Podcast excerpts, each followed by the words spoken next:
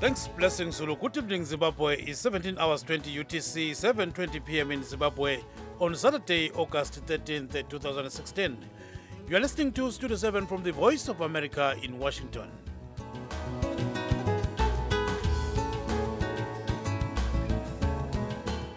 Thank you for joining us live from Washington. This is Gibbs Dube. Here are our top stories this evening. Zimbabweans have expressed dismay over state security agencies' move to monitor discussions in civil society meetings. And young Zimbabwean swimmers are expected to take part in Olympic Games in the near future. Stay tuned.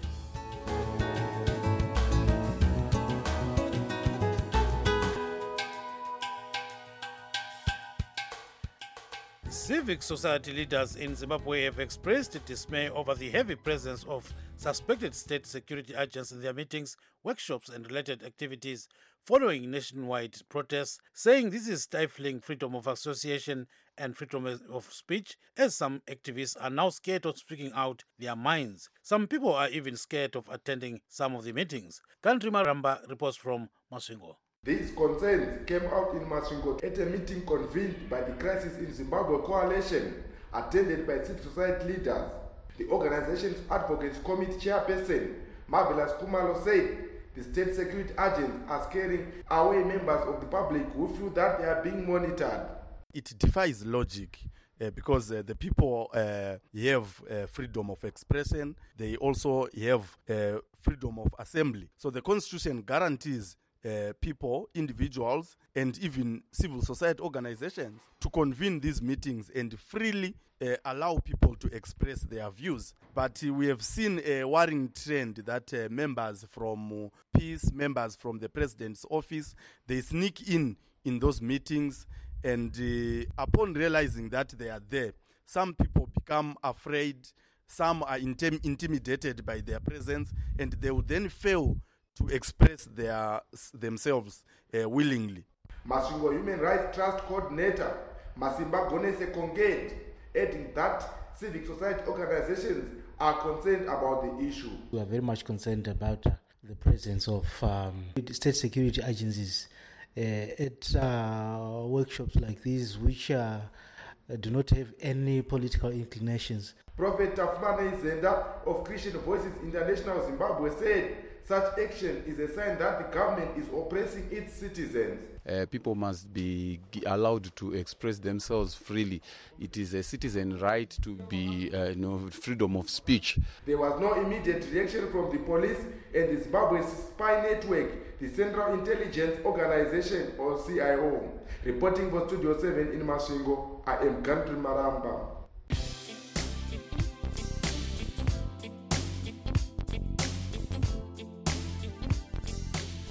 You are listening to Studio 7 from the Voice of America in Washington. We are broadcasting on 909 meter wave and on the 4930, 5940, and 15460 shortwave frequencies. Next, an editorial reflecting the views of the United States government. After a recent meeting at the Department of Defense with his National Security Council, President Barack Obama said that ISIL leaders know they will lose in Syria and Iraq. With support from the counter ISIL coalition, local forces have made significant progress against ISIL in Iraq and Syria. They have taken key territory from ISIL and continue to advance in their planning and on the battlefield toward Mosul. In Syria, said the president, they are choking off the last entry to the ISIL stronghold of Raqqa. The military portion of the counter ISIL strategy is showing great progress, President Obama said. The coalition air campaign continues to hit ISIL targets wherever the terrorists try to hide. American pilots are doing their best to avoid civilian casualties, in stark contrast to ISIL, which uses non combatants as shields. Coalition and local forces continue to take out senior ISIL leaders and commanders, and this is having an effect on the organization's command and control and its discipline. None of ISIL's leaders are safe, and we are going to keep on going after them, said President Obama. The terror group continues to lose ground in Iraq and Syria. Iraqi forces have taken Fallujah and are pushing up the Euphrates River Valley. They are also pushing up the Tigris River, taking Qayera, and are preparing to launch an offensive against Mosul, the largest city still under ISIL control. Meanwhile, in Syria, Obama said a coalition of local forces backed by our special operations forces and airstrikes continues to take the fight to ISIL as well. The coalition is fighting its way into the town of Manbij, a gateway for ISIL fighters coming in and terrorists heading out to attack Europe, which is why ISIL was fighting hard to hold it. ISIL has not had a major successful offensive operation in either Syria or Iraq in a full year, said President Obama. Even ISIL's leaders know they're going to keep losing. In their message to followers, they're increasingly acknowledging that they may lose Mosul and Raqqa, and ISIL is right, he continued. They will lose them, and we'll keep hitting them and pushing them back and driving them out until they do. That was an editorial reflecting the views of the United States government. And as usual, we now hand you over to Marvelous Mhlanga Nyahuye.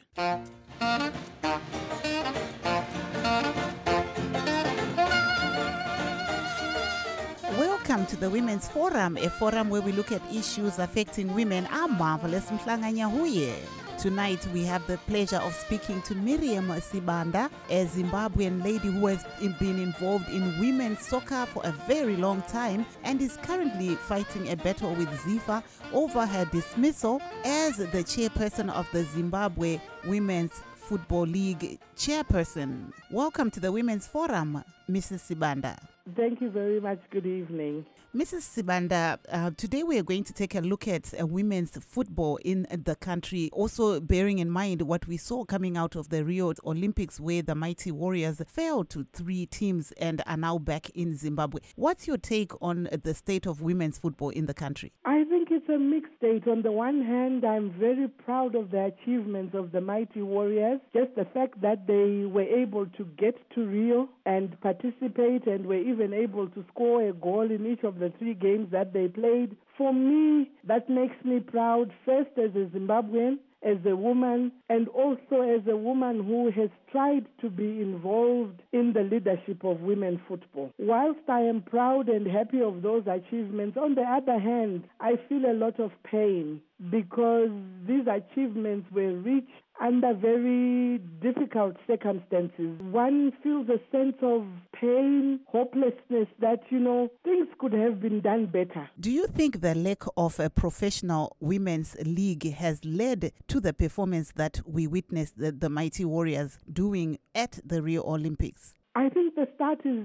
the foundation of women football right now is very shaky. The leadership is not there. Those that are supposed to lead are not being given the space to lead. And as a result, there is no organized women football that is taking place regularly competitively to give the players competitive game time. And because there is no leadership that is clear, the preparations were also shoddy. There's also the issue of the welfare of the girls. It wasn't taken care of. The girls did not have competitive game time to the extent that the few that were playing, that play for clubs that were active, the standard of play was not very high because we had no access to referees. Referees were stopped from officiating at women football games by ZIFA officials. So it's been a very difficult build up preparation when you compare to what the opponents went through. And you also look even at the issue of their um,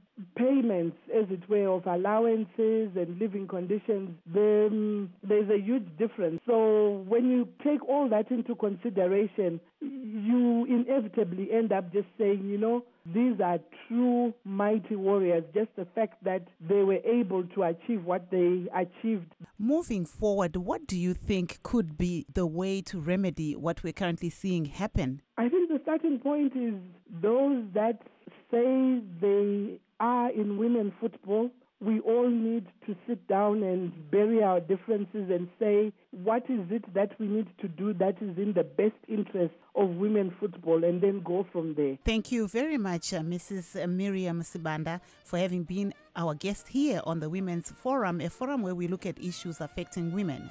Thank you very much. I'm Marvelous Mhlanga Nyahuye. Join me again next week when we'll be looking at other issues affecting women. Thanks very much, uh, Marvelous Mhlanga. We hope you have a wonderful weekend.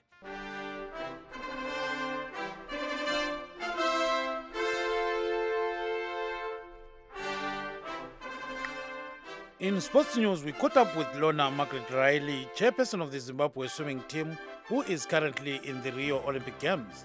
Riley says young Zimbabwean swimmers are expected to take part in Olympic Games in the near future. We only have two athletes, Kirsty and a youngster, Sean Gunn, who was accepted on his freestyle time for universality. What and obviously we yes. have a coach. Okay, what exactly is that? Uh, universality. Um, what it does is that FINA, who are our swimming body, allow every country who's affiliated to them to send two athletes, one male, one female, um, to the Olympics to compete. So that's why we have two athletes, um, Kirsty and Sean, who has universality. What benefits are there for universality? Eh, Give us a, a bit of information there. Well, what I'll do first is give you a breakdown of how this works. The Olympics are allowed to host 900 swimmers alone. That's all we're allowed out of the whole world. Currently here we have 550 swimmers who are here with A time.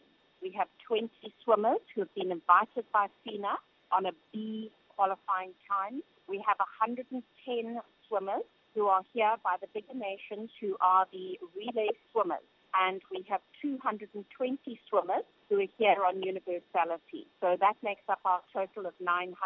And for those kids who are here on universality, a lot of them do have the B qualifying standard. So it's all about development. It's about getting swimming to the top of the, the watchable list for the Olympics and for development. It's really nice for small countries like ours to get the opportunity to expose our athletes in this kind of way. So it's a great team building exercise. It's a great development exercise for aquatic sport, and it's really good fun for the swimmers. Hmm, so, how old is uh, Sean? Sean is 22 years old. He grew up in Zimbabwe. His parents still live in Zimbabwe, and he is currently at the University of Kentucky on a swimming scholarship. So he's been uh, there for some three years now, and he will be graduating next year. Now, are you happy with the, the performance of your athletes uh, so far? Absolutely. You know, we, we always understood that Kirsty was going to have an outside chance at doing well here. She is the second oldest athlete in the swimming arena for females. There's only one lady who's older than her from Sweden. So, you know, we understand that it's going to be hard. She knew that going into the competition. Sean has improved his time and set a new national record for the 100 meters freestyle. So, you know, for us it's a win-win situation. We've got old experienced swimmer here and we've got a young newbie who's desperate to, to swim well and swim hard. And so we've made the achievements we hope to make. And now, looking at the future of uh, swimming in Zimbabwe, you know, we know that uh, there, there's lack of funds, and at times the diet is not even too good. So, what is the future like in terms of Zimbabwe swimming? Well, you know what? It's it's it's difficult. You know, I, I don't want to go into a lot of detail, but our facilities in Zimbabwe are not plentiful, and it's not a cheap sport. And at the moment, the economy is is proving difficult. So, you know, for a lot of people, it's not easy to take their swimmers down to a swimming pool every single day to develop them. Having said that, we have improved our numbers in the swimming pool, or at the very least, we've kept them the same over the last couple of years. We have some great swimmers coming through the ranks. We have other swimmers who are outside of the country swimming. We have Chad Idenson, who's at the University of Arizona. Um, he went to Nanjing for the Junior Olympics. He is 19, 20 years old now. So he's he's sort of the next best thing. We have Peter Wexler, who's a year younger than him. He's 19, and he is also joined the University of Kentucky. He's he's a great option coming up. We have Robin Lee, female star. She's in Australia. She's 18. So we have some we have some talent coming through. That was Lorna Margaret Riley, chairperson of the Zimbabwe swimming team board, speaking with Studio 7 from Brazil. And we keep our show tonight with a musical featuring Rising Maskandi outfit Abafana bakagodlwayo We have just dropped their second album, Umahlale Kangeni. VOA Studio 7's Ntungamini Komo reports. uyanyamalala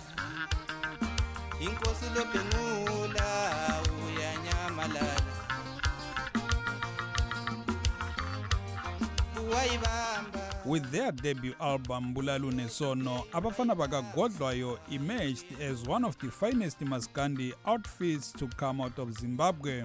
And now with Mahlale Gangeni, their second album, the South African-based group originally from Filabusi are asserting their authority. One of the best songs in the album is Inkosi Ulobengula, a tribute to the Ndebele king who disappeared without a trace.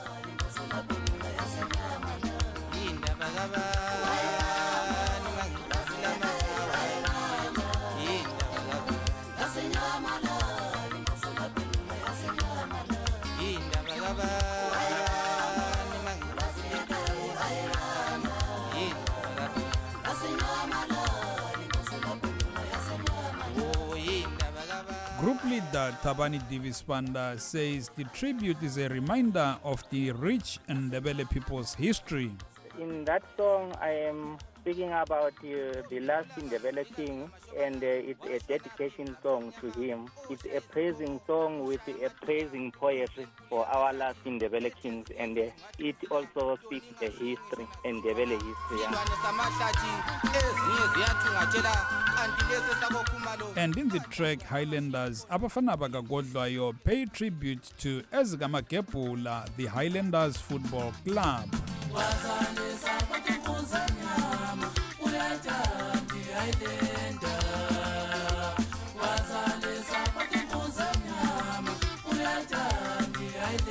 Uezrashisa naye. Uyayithanda. Other tracks include Inzima Lendlela, Washa Washa, Emangunini, and Umama Priscilla, a tribute to Matabeleland South Member of Parliament Priscilla Misaira Mishonga for what they are saying is her outstanding representation of the Ndebele people and their interests in Parliament.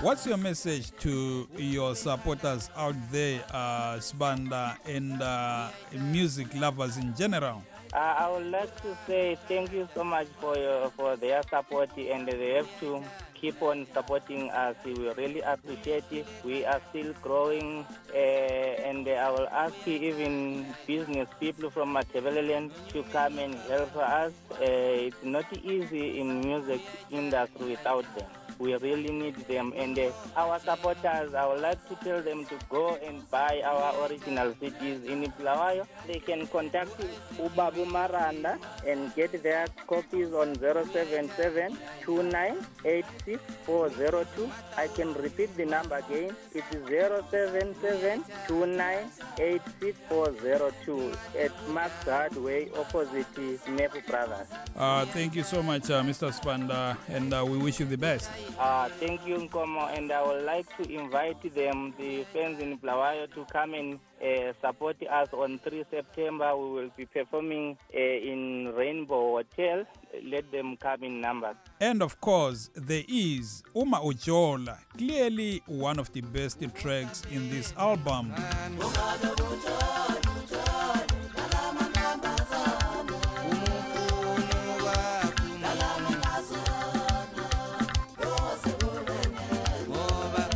That note, it's time for me to go. But for you, it's time to enjoy the music.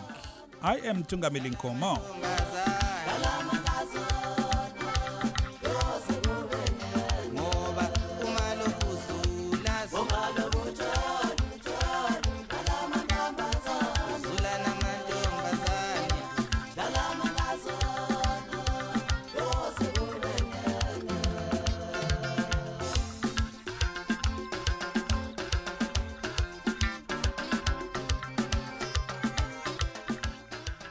Thanks very much, and Ntungamili Nkomo, with that musical piece from Okota. Uh, Zimbabweans expressed dismay over state security agents' move to monitor discussions in civic society meetings. And young Zimbabwean swimmers are expected to grace the Olympic Games in the near future. That's a quick recap of our top stories. That's our broadcast this evening. Now stand by for Studio 7 in Ndebele with Chris Gande. This is Gibbs Dube in Washington, D.C.